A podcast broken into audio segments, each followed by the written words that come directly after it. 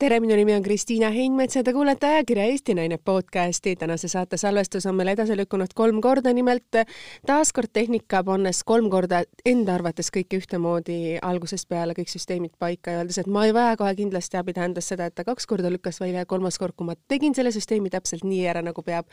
ja tehnik tuli siia, et siis kontrollida, mida ma olen teinud oma tegevuses valesti, siis voilà, kõik hakkas tööle. ja täpselt samamoodi teeme me oma saate algust tänase saatekülalisega kolmandat korda uuesti, sest meil tuli teha kaks katsetust alguses, kas ikka kõik süsteemid toimivad või mitte, nii et kaks korda kolm, nii et ma loodan, et me ei pea selles saates tegema kolme pausi, sest siiani meil on kõik saated läinud ühe hingetõmbega, nii et loodame, et ka see saade saab olema selline üks imeline teistmoodi lugu.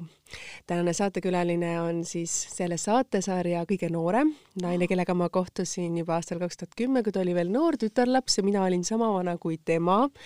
mina olin siis žüriis ja tema oli siis laval. Eesti talendisaade oli siis Eesti suurim produktsioon TV3 eetris ja hiljem on meid elu viinud kokku ka väga erinevatel ja natukene ka vähekene lõbusamates situatsioonides ning üks armastus on meil veel, mis on väga tähtis ja väga osa, väga suur osa meie hingest ja meie südamest, see on Saaremaa oh.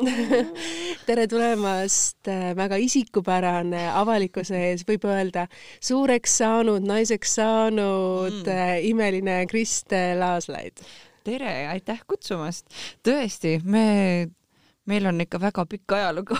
Meil on pikk ajalugu ja neid hetki meil on olnud nii selliseid viisakaid, korralikke kui mõnes hetkes selline väga mõnusas meeleolus. jaa, absoluutselt, aga täpselt niimoodi peakski naised äh, kohtuma kord, kord nii, kord naa. no täpselt ja nüüd me oleme taaskord sellises äh, teistmoodi, jälle töises keskkonnas sellise kümneaastase intervallina mm -hmm. taaskord nagu ära teinud, et äh, teistmoodi ju.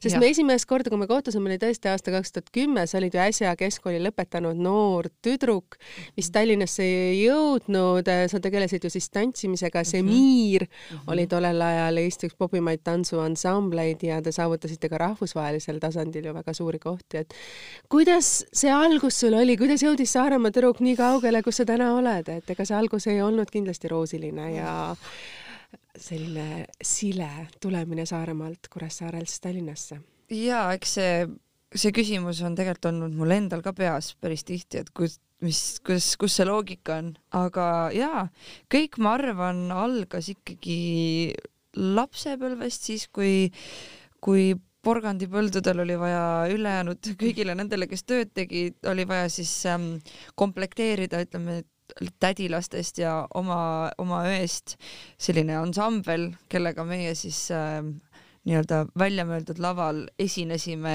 kõigile siis vanematele ja tädidele, onudele.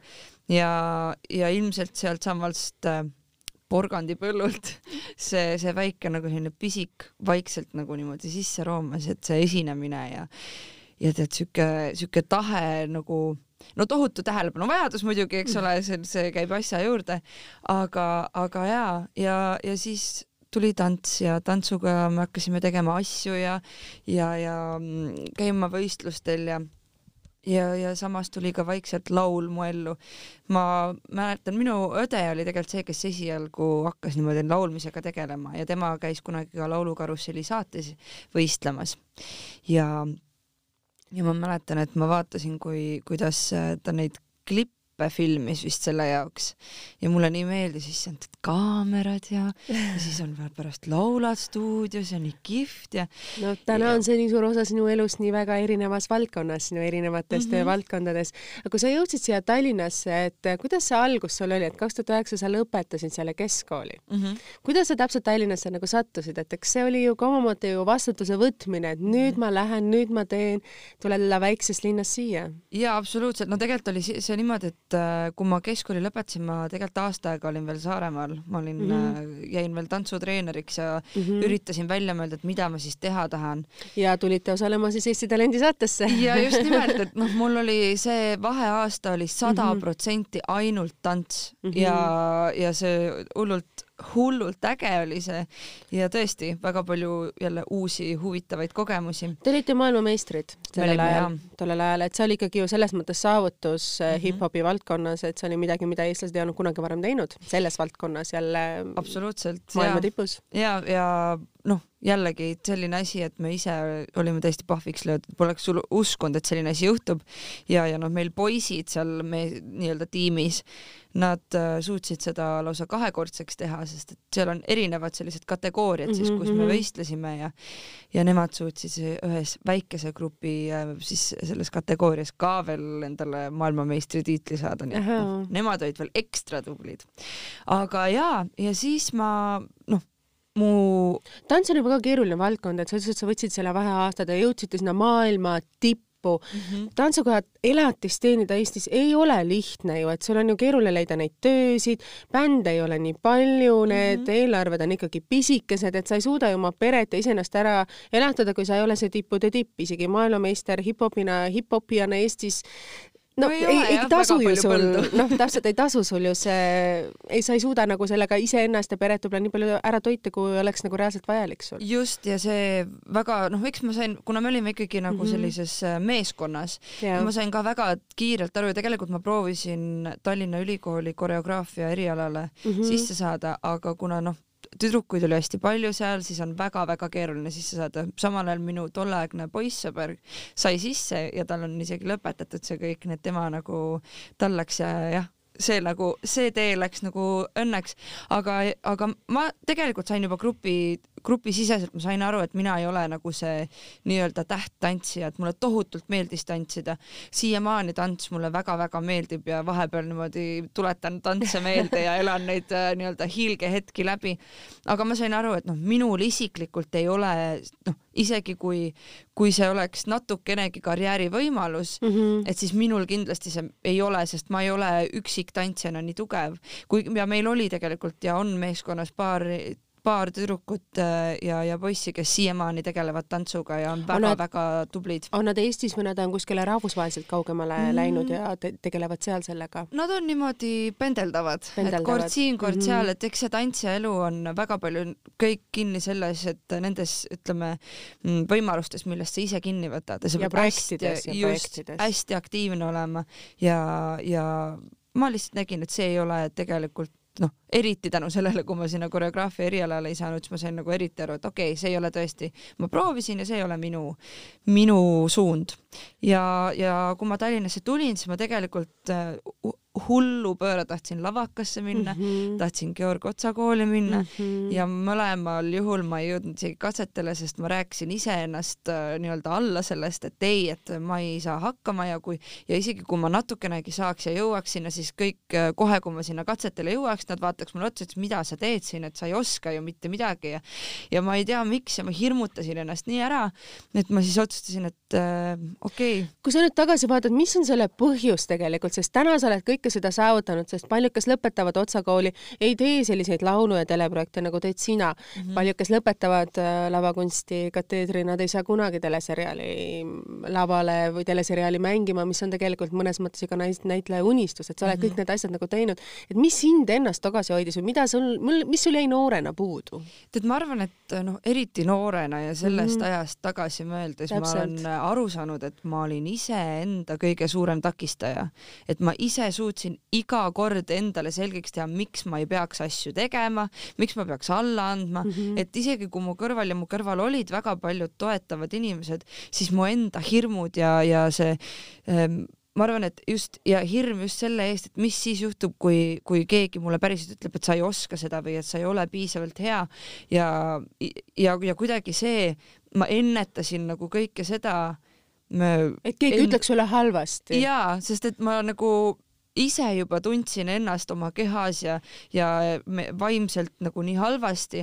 aga et... miks, kust see tuli sul, kas keegi tegi sul noor, noorpõlves oli sul mingisugune selline tagasilöök või kust see hirm peaks sul sisemiselt tulema või sa ütlesid olen..., et sul olid inimesed ümber, kes sind toetasid tegelikult mm. -hmm. tead, ma ise olen hästi palju ja pikalt mõelnud selle peale, et see mingisugune depressioon ronis järsku hinge siis, kui oligi selline teismelise aja algus mm, -hmm. selline, kus selli, esimesed kuramiiringud, eks ole, tulid ja tegelikult ma arvan, et hästi palju oli seotud sellega, et ma nägin, kuidas nagu kõik ümber kuidagi nagu läksid baaridesse ja tekkisid poisid ja, ja mina olin selline lootusetu romantik ja armusin ära ikka sellesse inimesse, keda ma ei saanud kätte ja ma ei julgenud läheneda. kui armas. hästi-hästi armas, aga tänu sellele ma nagu põhimõtteliselt kaevasin endale nii sügava augu mm, -hmm. et ma ma tegin, noh, juba sealt hakkasin ennast mm -hmm. saboteerima ja nägin, et noh, et keegi mind ei taha, kuigi ma mäletan nii hästi, kuidas oli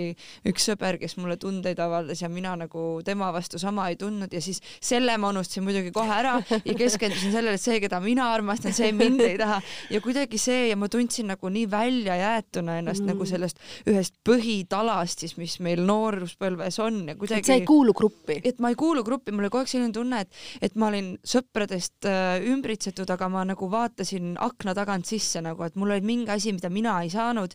Ja siis see muidugi laastas täielikult igasuguse enesekindluse, sest see on otseselt seotud, ma ei meeldi ühelegi poisile onju, järelikult ma olen kole, ma olen, keegi ei taha mind. Ja noh, ja sealt hakkas see pihta.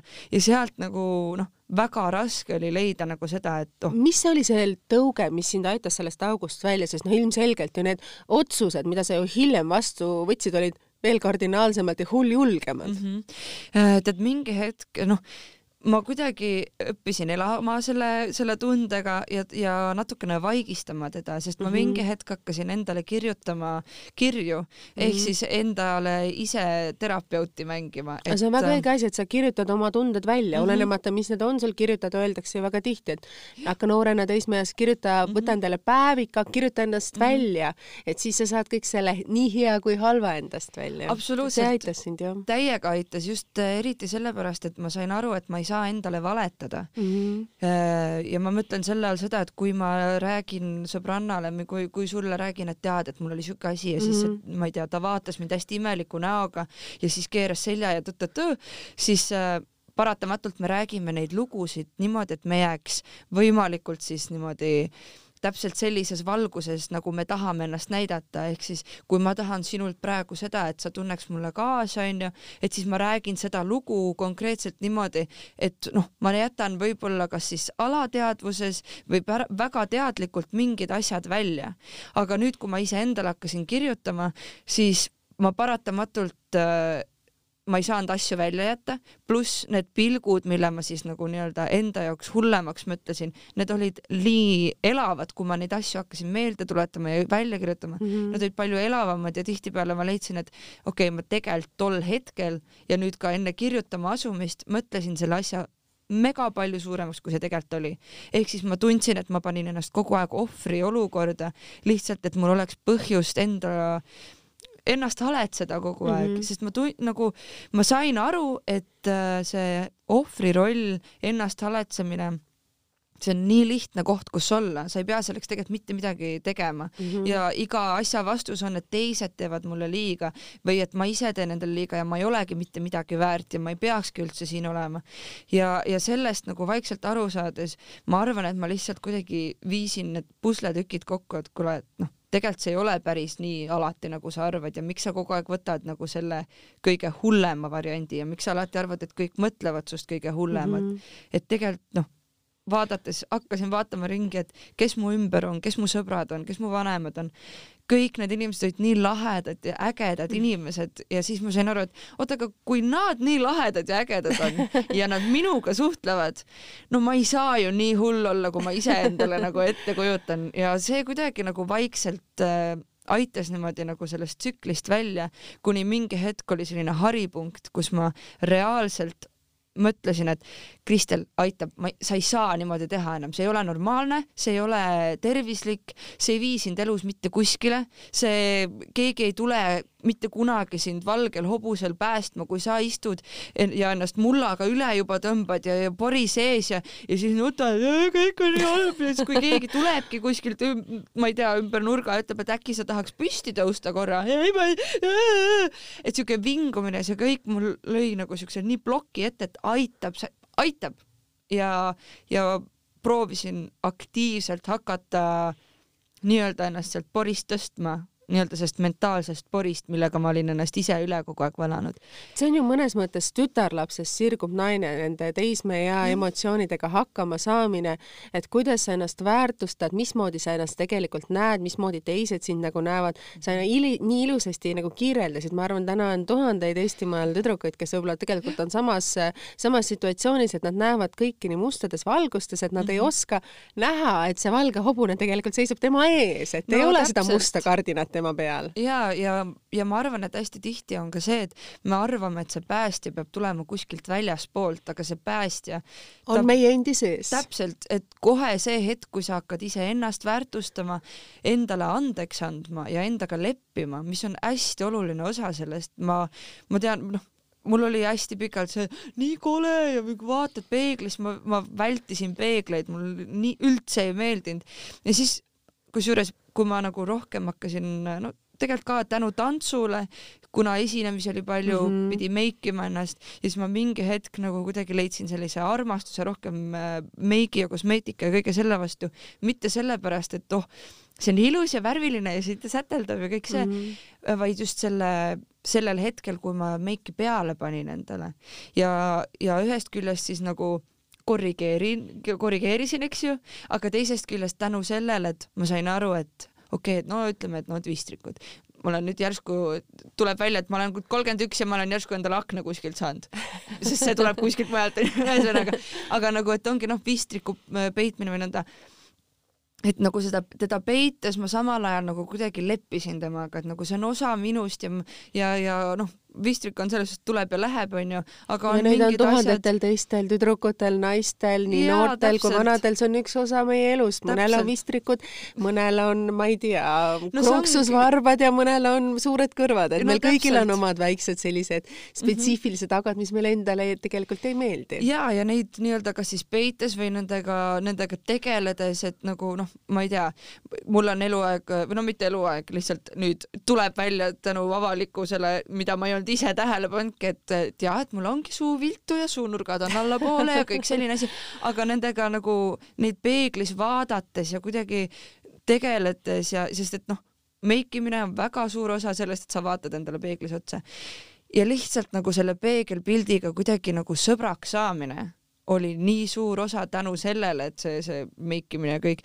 ja nüüd on nagu jõudnud sinna, muidugi on paremaid päevi, on halbu päevi, et kogu selle nii-öelda paranemise juures jutumärkides või, või et nagu kogu selle teekonna juures üks, veel üks oluline punkt on see, et sa pead aru saama, et, et sa ei saa kogu aeg ühtemoodi tunda. ja see. ja sul on õigus tunda erinevaid emotsioone. ja et kui sa üks päev oledki nõnda, et oh, täna on nii kole lihtsalt ja nii halb, siis see on täiesti okei okay,, aga peaasi, et sa ei jää sinna pidama mm, -hmm. et sa le leiad, et nagu okei okay,, noh, mis, mis mul siis täna jälle viga on, no vaatame siis üle, tegelikult on ju kõik hästi. suunurk, no tõstame, naeratame rohkem, no et noh väga õige, naerata rohkem. ja et me mm. leiame need asjad, et, et ennast uuesti rajale saada ja, ja anda endale andeks ja, ja sest et noh, see keha on tempel, on nii klišee ja siuke õh asi, mida öelda, aga noh, tegelikult on ju ja, ja see on, see on sulle antud ja sa sa pead temaga hea olema. Ja seal sinna juurde kuulub see, et sa oled temaga sõber ja ütled, et noh, sa oled siuke nagu sa oled, aga sa oled kõik, mis, mis sa mul oled ka, nii et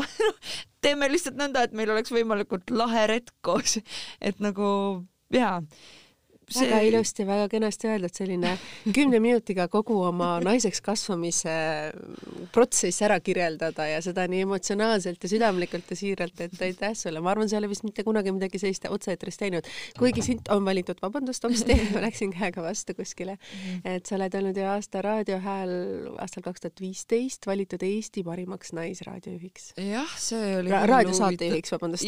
jah, no see oli küll siuke huvitav ütleme, huvitav võit, et äh, ma arvan, et seal oli kindlasti väga palju lisafaktoreid, et ähm, nüüd, kuigi nüüd jälle raadios tagasi olles väga tore on raadiotööd teha, mulle väga meeldib raadiotööd teha ja, ja ma arvan, et just eriti selle tõttu, et kuna nüüd naistesaunas saame rääkida nõnda, nagu meil mõtted peas on ja siis saab muusikat ka veel lasta, et, et see on ideaalne kombo kas need, kas need muusika, mida sa seal lased, on see sinu enda valik või teil on ette kirjutatud või kuidas te neid playlist'e ko koostate? seal on ikkagi enda valik, et äh, õnneks meile anti vabad käed ja siis on siuke tore, see on hea võimalus, kuidas äh, noh, ütleme niimoodi, et ma nüüd olen proovinud jälle muusikat hakata vabal ajal rohkem kuulama, kuna seda muusika tegemist on äh, nii-öelda töö mõttes või siis nagu päris palju tegelen muusikaga, siis mõnikord äh, tekib see tunne, et kodus enam ei jaksa,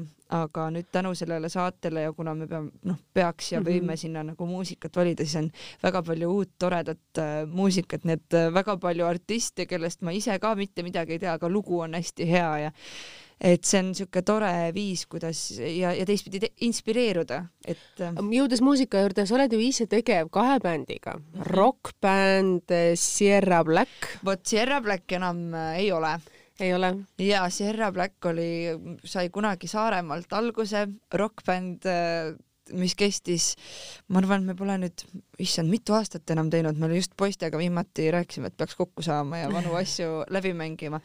aga mm, aga jaa, see, see on äh, hästi tore minevik, mis on hästi tore, sest praegu nüüd tehes äh, bändi Grammofon, äh, millega me ka Eesti Laulul oleme mm, -hmm. siis. oota, vahepeal oli Avoid Dave ka Avoid,. ja Avoidis ma olen niimoodi poole veerandkohaga, kuna nüüd mul on, ma ütlen, neid muusikalisi asju on mul ka kuidagimoodi nii palju olnud või, või, või tekkinud, et praegu ongi minevikus on siis nüüd Sierra Black äh, ütleme poole jalaga varbaga oleme Avoid Davis, äh, teeme ka õdesid, eks ju, Tuulirannaga mm -hmm, ja mm -hmm. siis on Grammofon, et Grammofon on praegu fookuses, kuna me oleme Eesti Laulul ja kuidagi see töövoog on meil väga hea praegu mm -hmm. et, et siis äh, sõidame seda laineharja, aga et Grammofoni poistel on ka väga palju, äh, väga paljudel on selline roki, roki taust, mis on hästi tore, sest et siis ma nagu tunnen mingi nagu veel rohkem nendega sidusust, et, et selline hästi-hästi erinevate taustadega muusikud on, on sinna, sinna bändi kokku sattunud ja siis on tore nagu, et aa, ma ei ole nagu nii, ütleme noh kõrge või suure kaliibriga muusik kui mm. ülejäänud seltskond, aga mul on ka siuke natukene sellist nagu tausta, et see on siuke päris tore tunne sa olid tegelikult väga noor, kui sa hakkasid seda muusikat õppima aastal kaks tuhat ühe õpetaja käe all mm. -hmm. juba Me... Kuressaares. ja no ütleme muusikat õppima on võib-olla isegi natukene selline overstatement, nagu öeldakse, et ähm, laulu? jah, laulu, ma läksin, põhimõtteliselt ma läksin kõigepealt muusikaõpetaja juurde koolis mm, -hmm. põhikoolis. kuidas ja... selline mõte, et ma nüüd lähen üheteistaastasena noore tütarlapsena, muusikaõpetaja ütleb, ma tahan nüüd õppida laulu? tead, see oli vist puhtalt äh, ühe pealt vaata va,, nagu vaatasin, sest tema oli aastaid ennem juba noh, niimoodi lasteaias alustas ja, ja käis lauluõpetaja juures ja, ja siis koolis ka veel ja siis ma mingi aeg mõtlesin, et tegelikult ma võiks ju ka laulmisega tegeleda, sest noh, mingi hetk lööb kõikidel teismelistel see juba pähe, et noh, et mina tahaks lauljaks saada ja bändi teha. bände ja värki. ja siis ma läksin lauluõpetaja juurde ja siis me noh, ütleme, meie õpingud olid äh, siis lihtsalt laulude harjutamised et.... Laine Lehti oli see õpetaja? see esimene õpetaja oli tegelikult Malle Veske äh, Kuressaare mm. Vanalinna koolis ja siis gümnaasiumis tuli siis Laine, Laine Lehto mm -hmm. ja mhm. temaga oli äh, siis nagu natukene süv-, süvenesime siis rohkem. sest sa äh, osalesid ju kohalikel konkurssidel ja jõudsid ju vist Just. Seal... Eestit täht või mis? Äh, see on nüüd niimoodi, et kõigepealt oli, äh, ma kolm aastat võtsin osa äh, noorte solistide konkursist, mis on üleriigiline mm -hmm, solistide mm -hmm. ja duettide konkurss, mille ma siis oma lõpuaastal, kolmandal aastal võitsin Grand Prix. Ja, ja siis tänu sellele siis läksin edasi Tähtedel, Tähtede laul, tähtede laul, mille sa ka võitsid. ja, sest seal oli ja seal oli nüüd rahvusvahelisem seltskond. Mm, -hmm, mitte just mm -hmm. väga lai rahvusvaheline seltskond, aga oma vanusegrupi ma siis jah Äh, võitsin, nii et kuidagi läks nagu selle konkursitega läks nagu üks aasta oli selline uh aasta. Et aga ja, et, et siis ma nagu aga... kas andis sulle selle enesekindluse, et sa tead, et sa saad lauljana hakkama, kuigi sul olid need sisekaemused ja kõik need asjad, millest sa ju siin alguses rääkisid mm, -hmm. kui mhm. keeruline oli tegelikult mm -hmm. sul seal iseendaga leppida, nüüd mm -hmm. öelda, et ma, ma saan hakkama mm. -hmm. et kuidas nagu siis, oli ka nagu need konkursid ja need nagu sulle nagu selles mõttes kinnituseks, et sa oled hea? vot see on huvitav asi, sest et ma mäletan, et noh, see oli äh, gümnaasiumi lõpuaasta mm, -hmm. ehk siis mhm. olekski pidanud kõige keerulisem aasta, mis meil kõigil seisab ja, ees noorte inimestena. ja täpselt ja, ja siis äh, kuidagi nagu läks ja, sest siis ma juba tegin seda rokibändi ka mm, -hmm. et ma nagu laulmise ja muusikaga tegelesin hästi palju ähm,. ja siis äh, ja ma mäletan Tähtede Laulu äh, backstage'is Salme kultuurikeskuses tuli, kas see oli ma ei mäleta nüüd täpselt, kes see, kes see oli, sest et noh, mälu, mälu on aastatega kulunud, aga üks Otsa kooli õpetaja tuli mulle koridoris vastu, ütles, et mhm. noh, uuel aastal siis Otsa kooli katsetel näeme või et Otsa koolis näeme. aga sa ei jõudnud sinna? ja ma ei jõudnud sinna, sest vaatamata kogu sellele mm -hmm. ikka suutsin endale öelda, sa ei ole piisavalt hea sa ei, pluss veel muidugi oli see, et ma ei osanud solfeitšot, sest see oligi kogu selle muusika õppimise juures, mida no, ma ei teinud. Mm -hmm. Äh, oli noodi, noodikirja ma ei õppinud äh,, ma ei õppinud tol ajal ka, ütleme, me kraapisime hästi kergelt tehnikat mm, -hmm. et äh, mhm. enamus tuli niimoodi nagu noh, nii-öelda metsast onju, niimoodi nagu tuli.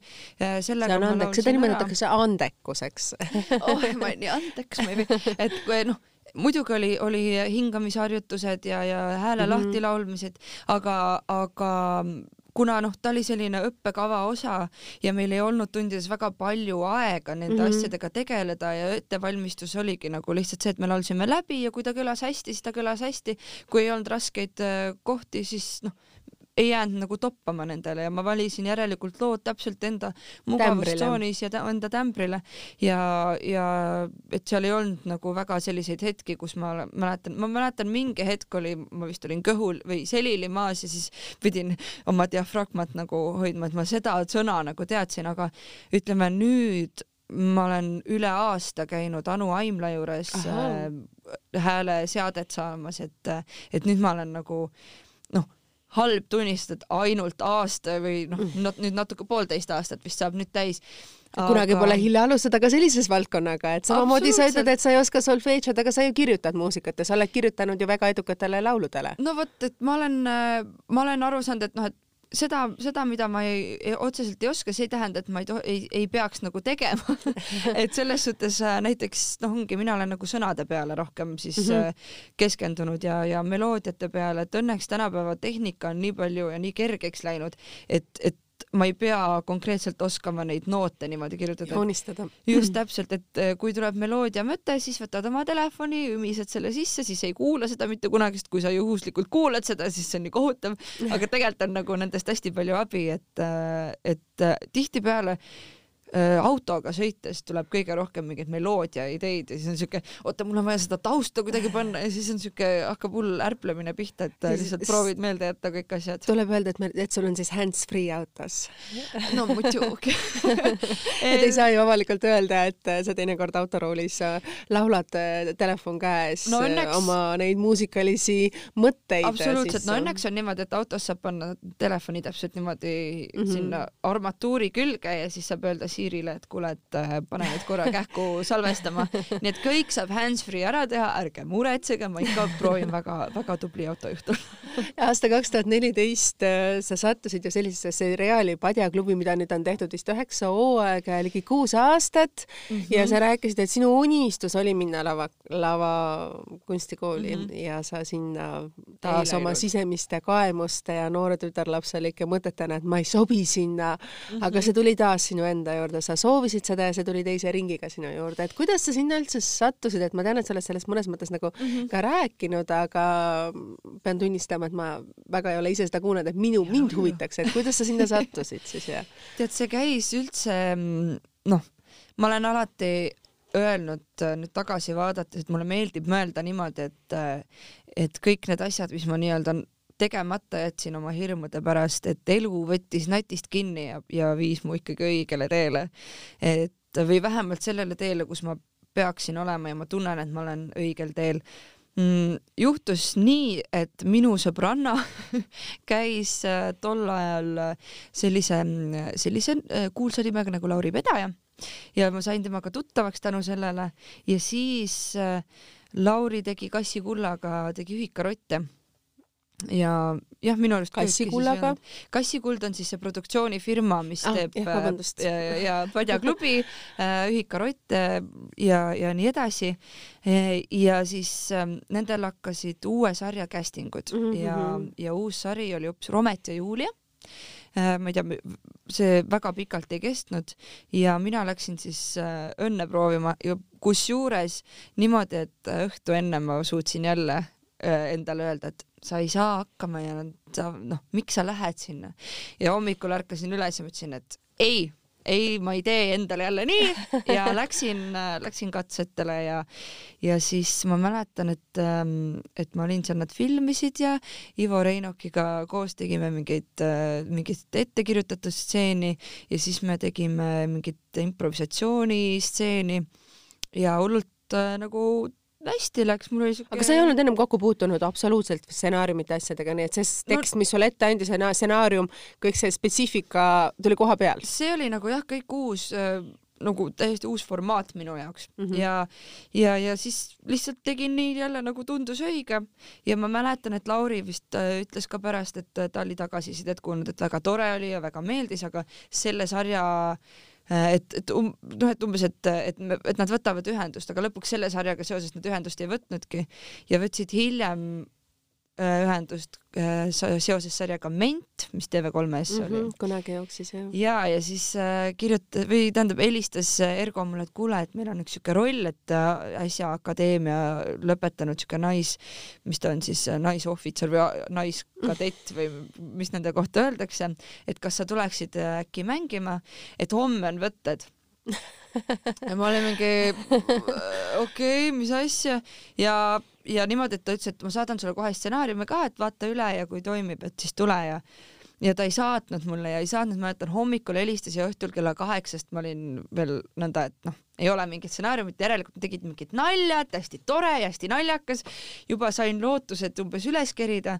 Ja siis äh, lõpuks ikkagi tuli see stsenaarium ja järgmine hommik ma olin siis esimene stseen, mida ma tegin äh, äh, rollis Veronika Mitler niimoodi, et äh, väikeses ruumis olime um umbes sama suur, isegi väiksem ruum kui see, kus mm me praegu oleme. ja podcasti stuudio, mis ilmselgelt ei ole selline atraktiivne nagu Estonia kontsertsaal, vaid selline pisike ruum. jah, ja no see, oli ka selline pisikene väikene selline kontoriruumikene ja seal oli mul siis niimoodi, et mina istusin ühel pool lauda ja teisel pool lauda. Ago Anderson ja Egon Nutter vaatasid mulle vastu, keda ma olin ainult ekraanidelt näinud, suured näitlejad. kuidas sa tundsid ennast, süda oli saapas ääres? ma niimoodi. kuidas sa selle sisemise krist Kristeliga jälle hakkama said, et ma saan hakkama, ma saan hakkama. No ühe asjana kohe oli see, et nagu selle šaboteeriva Kristeli ma ütlesin, nii, sina ole vait, sina istu maha. Sinule tähendab sõna pandi laua alla kasti sisse. panin täiesti nõnda ja ma lihtsalt nagu proovisin kuidagi äh, hakkama saada, et see, ütleme need äh, Äh, näitlejad seal vastas ei olnud nagu selline lihtsa kaliibriga näitlejad, et noh, ikkagi noorel tüdrukul tollel ajal oli ikka kuskil kahekümne viie aastane noor tüdruk istuda päris näitlejatega ilma näitamiskogemuseta, on ikka hulljulge tükk. no see oli ikka päris, päris hull ja ma noh, tegelikult ma mõtlen siiamaani, et, et no ju ma siis lihtsalt ma, ma, ma nagu, mul on tunne, et mul on enamus sellest on nagu ära blokeeritud või kuidagi ma nagu ilmselt mingi black out'i või midagi, et nagu ma ei mäleta seda, täpselt ma mäletan ainult seda hirmu ja seda, et noh, nüüd on põhimõtteliselt oligi, et nüüd kas uh, ujud või upud, et muud varianti ei ole. ja, ja mäletan, me tegime selle hooaja, tegime, tegime purki, oli hooaja lõpupidu ja minu arust Agoga me kuskil, kas sellel samal peol või siis mm -hmm. kuskil ma nägin ei, see oli ilmselt seesama pidu ja kuidagi tuli jutuks äh, see, et noh, et kust, kust ma üldse nagu välja hüppasin ja ja ma ütlesin jah, et ma nagu hullult kartsin seda esimest stseeni, mis me mm -hmm. sinuga koos tegime ja, ja teiega koos tegime. siis August, no absoluutselt polnud aru saada. ossa, ossa kurat Poleks arvanud, et, äh, et ja, et kuidagi kuskilt see rahu nagu tuli, et ma arvan, et äkki sellest tuli, et ma tundsin, et vaatamata sellele hirmule, ma olin ikkagi õiges kohas järelikult elus et seesama ka Kristel, kes oli sul sees, hüppas ja väreles, oli, kuidas öelda siis, seljakotti pandud, äh, laua alla pandud, et äh, see jääb siis sinna minevikku ja täna ma lähen naisena otse edasi ja teen seda, mis mulle meeldib ja ma saan hakkama, ma olen tubli. just, just, et äh, kuidagimoodi, kuidagimoodi see elu lihtsalt tegi selle, mis ta tegema pidi ja, ja ma, mulle meeldib mõelda ka, et järelikult tol hetkel ma ilmselt ei olnudki valmis selleks ja, ja, ja, ja ma ei pidanudki nii pidi jõudma selleni. aga me ju kasvamegi koos eluga, et kui elu paneb sulle ette need äh, taldriku ja sa valid, teed oma valiku seal, siis sa pead sellega hakkama saama mm, -hmm. ongi nagu sa ütlesid just hetk tagasi, et kas upud või ujud. ja täpselt nii ongi ja enamus elust nii lähebki ja, ja sealsamal peol ma niimoodi Ergole ka vaikselt libistasin, et kui sul peaks veel midagi nagu tekkima, et siis noh. oli päris mulle, äge. ja päris äge, mulle nagu meeldis. ja siis oligi paar kuud hiljem helistas äh, uuesti, et kuule, nüüd on siuke roll pakkuda, et neli naist ja üks nendest on selline natukene mehelikum ja selline natukene rämedam no just okei okay,, see olen ilmselt mina, sest noh, et kui sa, kui sul vähegi julgust või tahtmist on, et kas sa tuled ja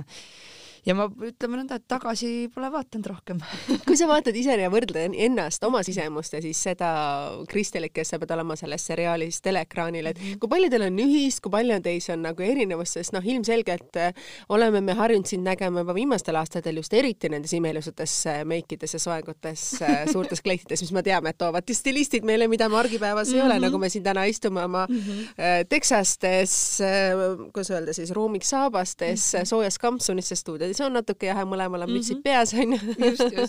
et hoopis teine keskkond, et äh, kuidas sa nagu ise tunned, et palju sind on siis selles rollis päris sinu enda mina?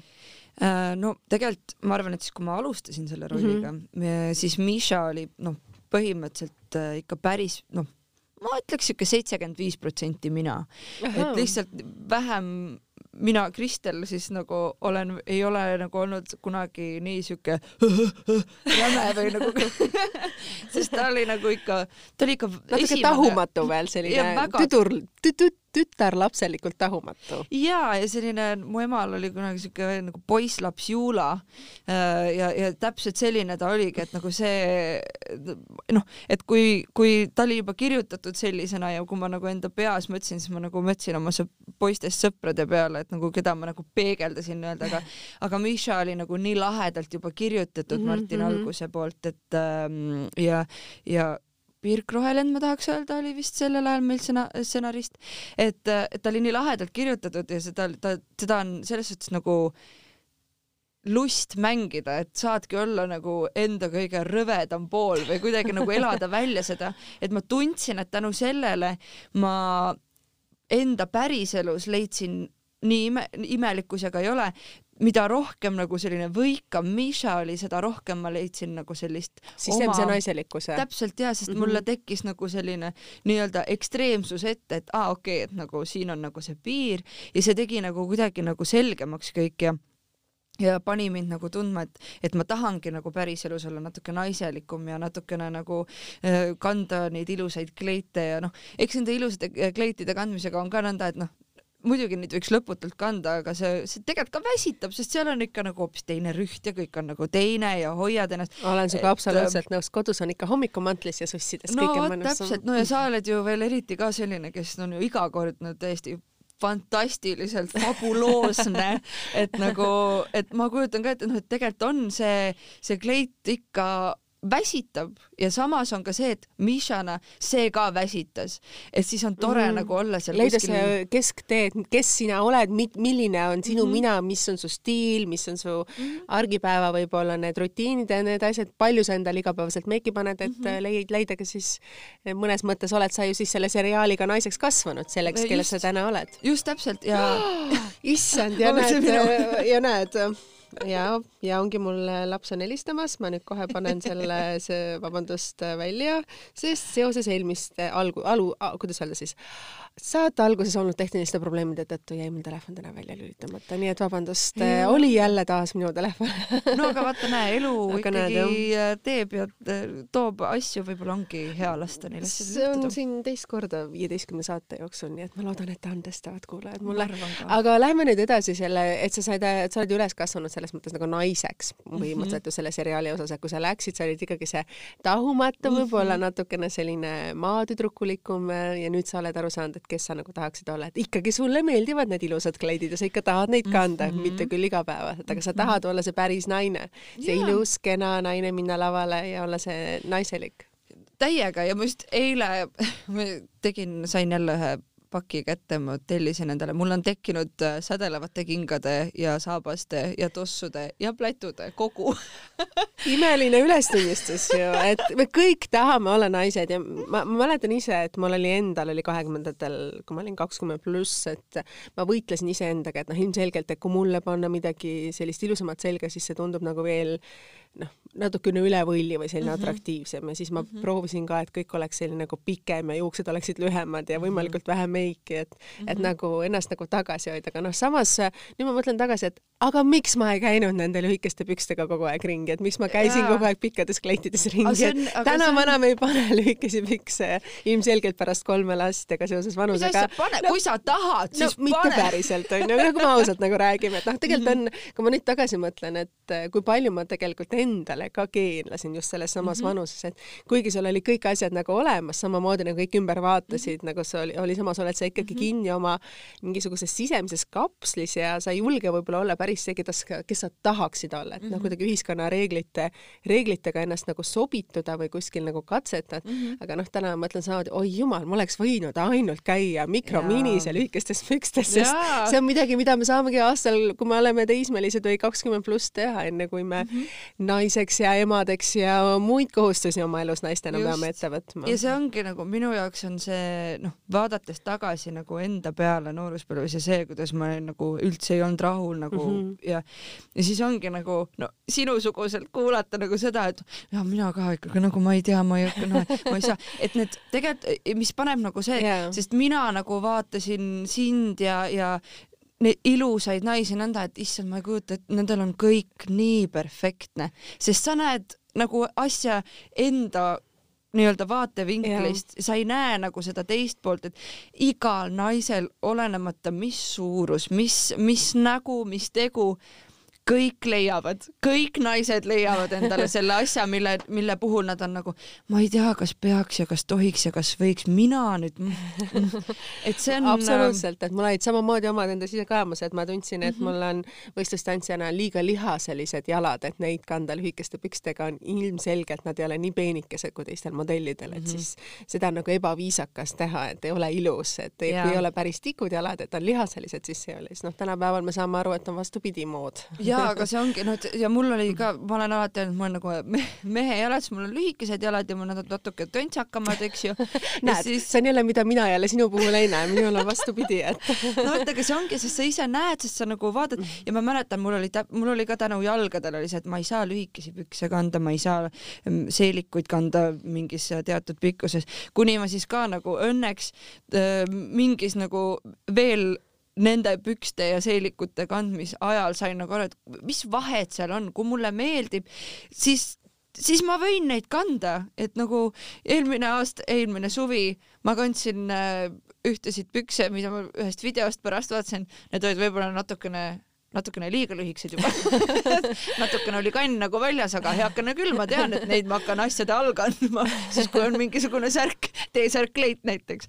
et noh, et, äh, et. vaata, see tuleb ka mõnes mõttes nagu vanusega ja julgusega mõnes mõttes, et olla see, kes sa oled, et ma olen täna selline ja kas te aktsepteerite mind sellisena, nagu ma olen ja ka te ei pea mind aktsepteerima, aga pigem see noorena sa tahad, et sind aktsepteeritakse kõikidesse nendesse gruppidesse. Ja kui sa tunned, et sa ei kuulu nendesse gruppi või sa ei ole ole selle grupi sarnane, siis see tekitab sinus endas nii palju neid ebakindlusi ja olenemata ja. siis täpselt, äh, milline sa oled, näed sa iseennast pigem halvemas valguses, mitte kohe heas valguses, et see ja. võtab aega. ja kahjuks me oleme noorest peast nii mõjutatavad, et, et isegi kui sa lõpuks leiad isegi noorest peast selle mm -hmm. mingi enesekindluse juba, siis on see hästi kiiresti maha tambitav kellegi teise poolt, sest et noh, see on, see on paratamatu, et me võime mõelda, et meid ei huvita, mida teised arvavad, aga see paratamatult kuskilt lekib ikka siis eriti noorest peast. Ja eriti noorest peast ka pillutakse väga mõtlematult mm -hmm. neid äh, arvamusi teiste kohta.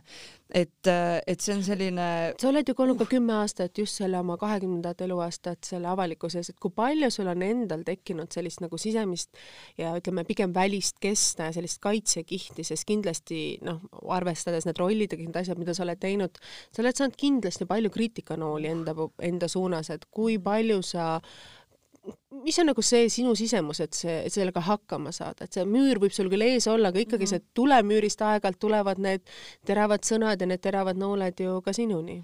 no see oligi, alguses oli nagu kuidagi raskem, sest see oli järsku nagu ühest küljest raskem ja teisest küljest ka kerge, sest et äh, kuna ma olin ise endiselt endaga nagu mitte nii väga Pahuks nagu heas, jah, täpselt, et siis oli ühest küljest oli see, et te ei saa mulle öelda mitte midagi sellist, mida ma ise juba ei arvaks.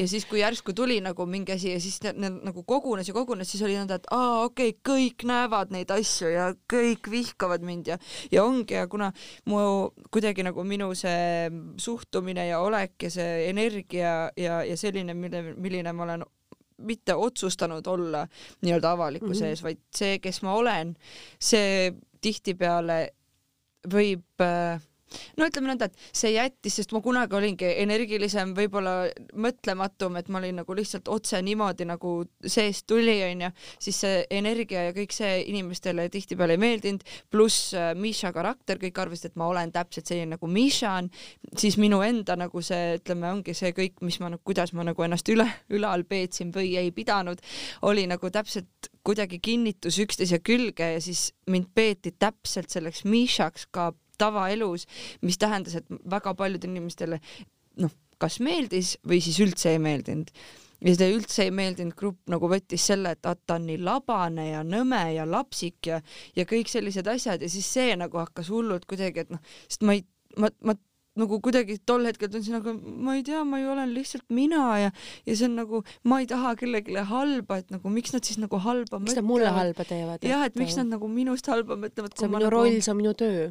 ja et kuidagi see nagu hästi hakkas nagu niimoodi ja kuna noh, ma olen ma tähtkujudelt olen kaalud ehk siis mu selline äh, emotsionaalsus kõigub täna siia, homme sinna, üks kaaluots ülevalpool, teinekord teise, teine kaaluots. ja, ja pluss nagu hästi-hästi palju on seda, et ma vihkan konflikte, ma pean kõigile meeldima, see on nagu üks põhiasi onju ja, ja, ja siis kuidagi nagu hakkas selline nagu hullult vastu nagu, et oota, mis mõttes, kuidas, aga kuidas ma nüüd saan nendele, kellele ma ei meeldi, kuidas ma nendele meeldima saaks.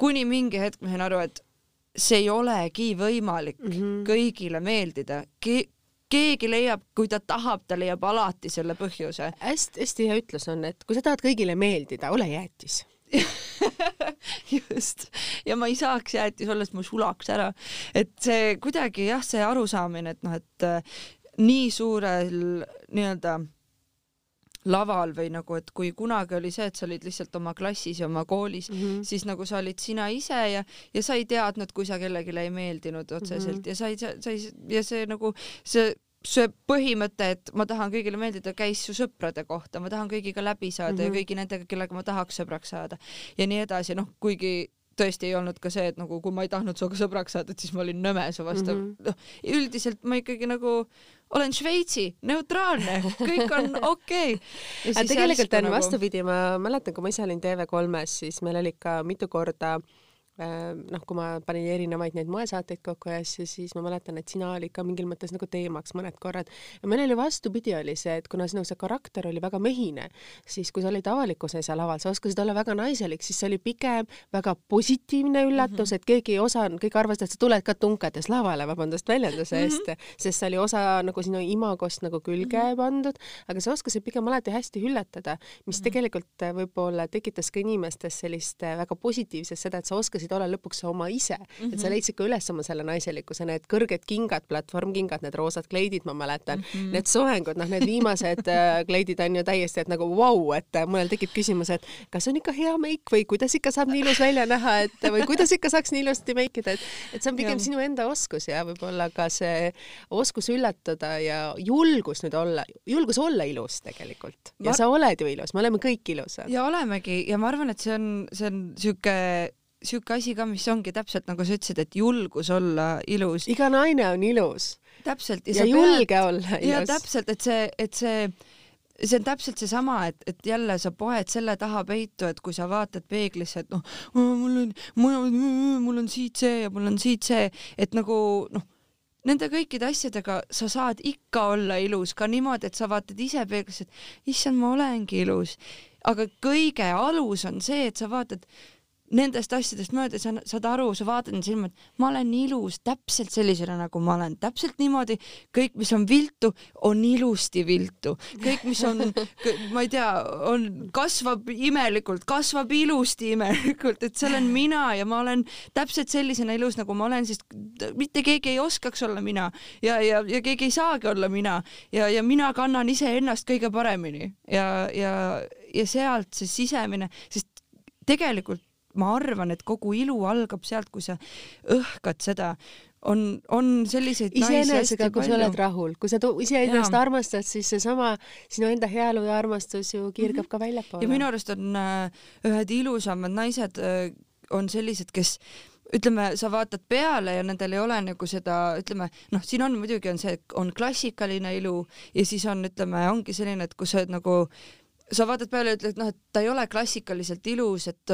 et noh, et ütleme, ta ei ole supermodelli äh, välimusega, kuigi supermodellid ükski supermodell ei ole klassikaliselt ja, ilus, nad on kõik väga erilised just tahtsin öelda, et oota, ütleme, klassikaline selline modell on ju, kes on ilus, kohe niimoodi, et sa vaatad peale, see on ilus aga, aga vaata, nagu see ongi selline... klassikalist ilu on sul, võib-olla sul sada tüdrukut, aga sa valid selle ühe välja, sest tal on midagi erilist. ja, ja tihtipeale see, mis on erilisus, ongi võib-olla, mis temale enda jaoks on võib-olla natukene, tema enda jaoks on see negatiivsus. ja, ja see on, siis on mingi selline asi, mis sa nagu kuidagi, see on see aura sealjuures või see mingi asi, see on see, ma ei tea, nagu öeldakse, X-faktor või see on, aga ma arvan, et sellise ilu puhul on see X-faktor ongi see, et ma olen ilus täpselt sellisena, nagu ma olen. Ja see teeb inimese tuhandeid kordi elegantsemaks, graatsilisemaks, see teeb noh, see kiirgab välja, et ta tea, et sa tead, et ah, ta on enesekindel, issand, kui ilus naine, issand, kui lahe naine. kuule, me kui... läheme ilusate naiste juurde, siis äh, Padjaklubis ju tegelikult, teid on ju neli naist mm. -hmm. Äh, millised on need teised naised, et te olete ju kindlasti selle kuue aasta jooksul ka kokku kasvanud mm, -hmm. et see, see Padjaklubi on olnud ju mõnes mõttes teie kõigi jaoks ju teid elu muutev mm. -hmm. et hakkame pihta siis, meil on Kertu Moppel Kertu Moppel, oh, ta on. kolm sõna tema kohta Kertu Moppel no okei okay,, see läheb, ma kirjutan selle kokku, tohutult tark äh,, humoorikas ja lahedalt veider. tal, ta on. mõni veidrus, mida ta on teinud tal on, tal on hästi, ma ei tea, kas see nii väga nagu veidrus on, lihtsalt kogu tema olek, tal on nagu mingi sihuke, sihuke veidruse alatoon, mis on hästi-hästi armas, hästi tore, aga mulle hullult meeldib see, et võtteplatsile, kui meil tuleb keegi ekstra või keegi äh, tegema mingit väikest rolli, siis äh, täiesti kindlalt, sada protsenti kindlalt tekib moment, kus äh, Kertul on kaks kassi äh, ja kus ta, kus ta istub selle inimese kõrval ja siis näitab talle, näe, siin on Kusti ja näe, siin siin nad istuvad ja siin on Sirje ja siin on ma mäletan, kui ta esimest korda rääkis Sirjest, siis ma mõtlesin, et okei okay,, et hästi imelikult räägib oma korterikaaslasest, kuni ma üks hetk hammustasin läbi, et räägib oma kassist Sirjest ja, ja, ja hästi-hästi ääretult armas ja mida sa oled temast tore... õppinud, mida sa oled temast õppinud, mis on võib-olla, mis teil on sarnast? meil on äh, mõlemal selline ähm, ütleme, kõrgendatud äh, austus huumori vastu. et, äh, et nagu selline, me austame head nalja ja meil on hästi palju, me oleme arutanud, kuna ta on ka väga hea stsenarist äh, ja lavastaja ja ta on väga palju äh, sketše ja asju kirjutanud mm, -hmm. äh, huumorisketše, et siis äh, ma olen temaga hästi pikalt arutanud ja üldse temaga, üldse kogu, kõigi nelja tüdrukuga hästi pikalt arutanud väga palju erinevaid teemasid, aga temaga kuidagi jah, see, et kuidas huumor nagu toimib ja miks ta toimib ja, ja noh, see on küll selline asi, millele sa ei saa näppu otseselt peale panna mm, -hmm. aga me oleme väga palju arutanud seda ja see on hästi selline tore ühine pind nagu, mille pealt teistmoodi oleme... midagi, mida me jälle teleekraanil ei näe yeah.. aga Katariina Ratassepp, mis on teil temaga ühist hmm.? Kataga. mis ta on sinus muutnud? Ma arvan, et äh, Kata on hästi siiras ja hästi selline äh, nagu selles suhtes, et ta on, ta on nagu siiras, hästi armastav äh, inimene, aga sealjuures ta suudab äh,, et ta teab nagu, et kui mina olin kunagi hästi selline, et nagu, et ka annan endast hästi palju armastust mm -hmm. välja, aga ma olen selle juures hästi pehme mm, -hmm. siis tema on nagu see, et ta annab hästi palju armastust välja, aga ta on, ta teab täpselt oma väärtust mm -hmm. ja ta teab enda eest, oskab väga hästi seista ja, ja on selline nagu noh kõva sõnaga naine, mis on nagu selline, et peale vaadates üldse ei ütleks mm, -hmm. aga nagu selline ja, ja ta teeb. see on sulle eeskujuks olnud? see on väga suureks eeskujuks olnud ja see, kuidas ta laveerib nagu selle kahe maailma vahel hästi-hästi nagu naiselikult, naiselikult, nagu ma saan aru, sinu liigutuste järgi. Tants, tantsuliste liigutuste järgi. ja pluss ta oskab ülihästi joonistada, nii et mm. tema kunsti ja ta tegi mulle mäletan, tegi mulle sünnipäevakaardi kunagi, ma mingi, oo, et sa nagu kopeerisid, mingi ei, vaba käega ülirõts et ja. ja Grete? no Grete õpetas mulle seda, et äh, eelaimdused või tähendab äh, kui, kui nagu, mis see on e,, on eelaimdus e,? eelaimus? see nagu, et kui sa, kui sa nagu otsustad ära, kes inimene on ilma temaga kohtumata, see, see ei ole eelaimdus eelarvamus, eelarvamus. just mm, -hmm. oh ma ei tea, eelarvamus. eelarvamused on täiesti mõttetud asjad ja, ja neid ei tohiks kunagi omada ja nendest tuleb lahti saada, sest et ma mäletan, et ma sain teada, et Grete tuleb ka äh,, siis me teadsime teda ju kõik ilmatüdrukuna, blondiinina ja ma mõtlesin, et okei okay,, et tuleb mingisugune bimbo onju, lendab laivi, kellega ei viitsi rääkida, keda, kes räägib ainult teadagi millest onju, sisu tühi ja täiesti niimoodi esimese viie minutiga ma sain aru, et oh, miks ma üldse niimoodi arvasin, nagu kuidas, mis asja, tohutult äh, intelligentne ka, väga hea huumorisoonega, hästi empaatiline äh, inimene, nagu tohutult ka hoolib kõigist enda ümber ja, ja, ja elab hästi palju läbi nagu seda, mida teised nagu läbi elavad. Ja imeline naine ja need kõik kolm on täiesti nagu no ma arvan, Grete, kas on Grete mõnes mõttes andnud sulle selle julguse olla ilus? jaa, ma arvan küll, et ma olen Grete pealt nagu näinud ja me oleme Gretega väga palju arutanud seda ja ta on ka selline hästi julgustav selle koha pealt olnud ja ja, ja noh, ongi, kui sul on ikkagi äh, sellise ka, kaliibriga naine kõrval, siis äh, see tõstab su enda mängu ka kohe nagu üles, et, et kuidagi ja me oleme nagu noh, Gretega muidugi eriti, sest et me käisime Gretega mingil hetkel Padjaklubi all me käisime klubituuridel, mingisugused äh, igasu üle Eesti klubid, me käisime seal, olime baaris ja nii edasi. Nendest detailidest vist ärme hakka siin podcastis ja, täna praegu just, aga, rääkima mm. -hmm. aga, aga nagu tänu nendele reisidele me saime nagu veel eriti mm -hmm. lähedasteks, ja, ja ja kuidagi nagu jaa, selline hästi tore sõprus on meil ja, ja vahepeal üritame ikka koos shoppamas käia ja siuke aga kuhu nüüd edasi, kuhu nüüd edasi, Kristel, et Eesti Laul on nüüd tulemas, teleprojektid mõnes mõttes nagu toimivad, et mm -hmm. mis on mhm. nagu see unistus, sa oled nüüd rääkinud kogu selle, võib öelda oma selle kümme, kümme aastat avalikkuses olemist mm -hmm. või mhm. üksteist aastat avalikkuses olemisest ja sa tunned, et sa oled tänaseks mõnes mõttes kasvanud selleks, saanud selleks intelligentseks, ennast armastavaks, ennast väärtustavaks naiseks, naiseks, kes julgeb olla ilus, julgeb olla täpselt selline, nagu ta on, mis on teinud sind veel kord veel ilusamaks ja veel armastusväärsemaks tegelikult eestla, eestlaste poolt, et et julgus olla isus on see, mis paistab välja, et see ei ole võlts tegelikult mm, -hmm. aga see, teekond sinnani naisena, et sa julgeksid olla see, kes sa oled, et see võib olla teinekord väga pikk, et minul on see olnud võib-olla väga pikk, et mm -hmm. tihtipeale hoides ennast tagasi, tundubki see nagu teiste jaoks äh, väär, sest sa ei julge olla võib-olla päris nagu see, mhm. kes sa oled. et kuhu nüüd edasi, et kui sa oled jõudnud sellisesse imelisse punkti mm, -hmm. kuhu edasi, et mis on elis, e-, edaspidised unistused?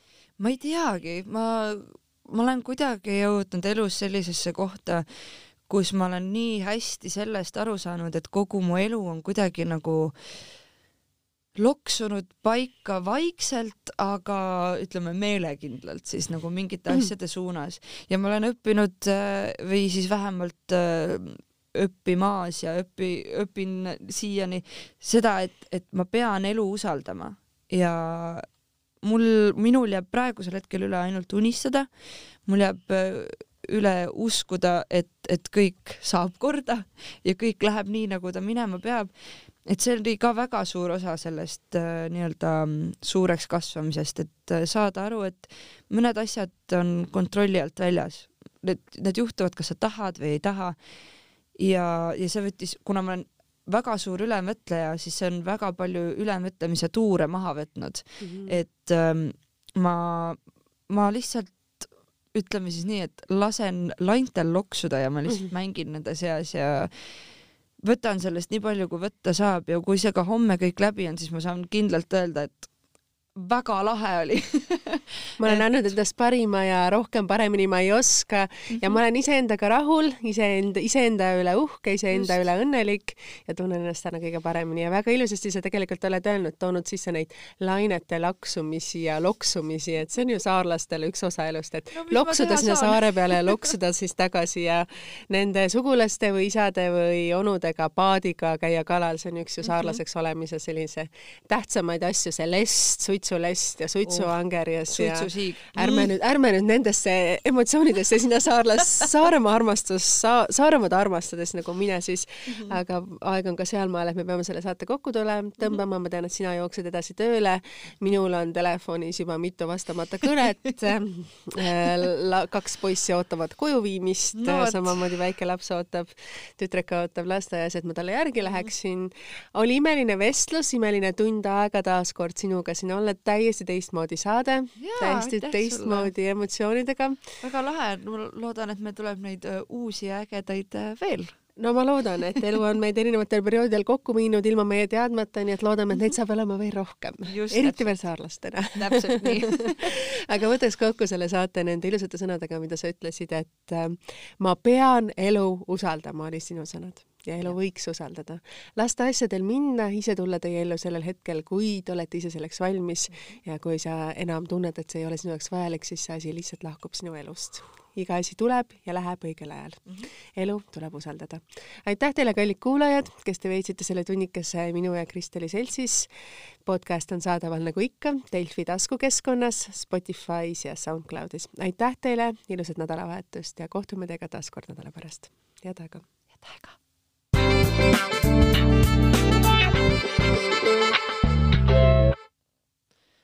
vot. tehtud. oota, oota, oota.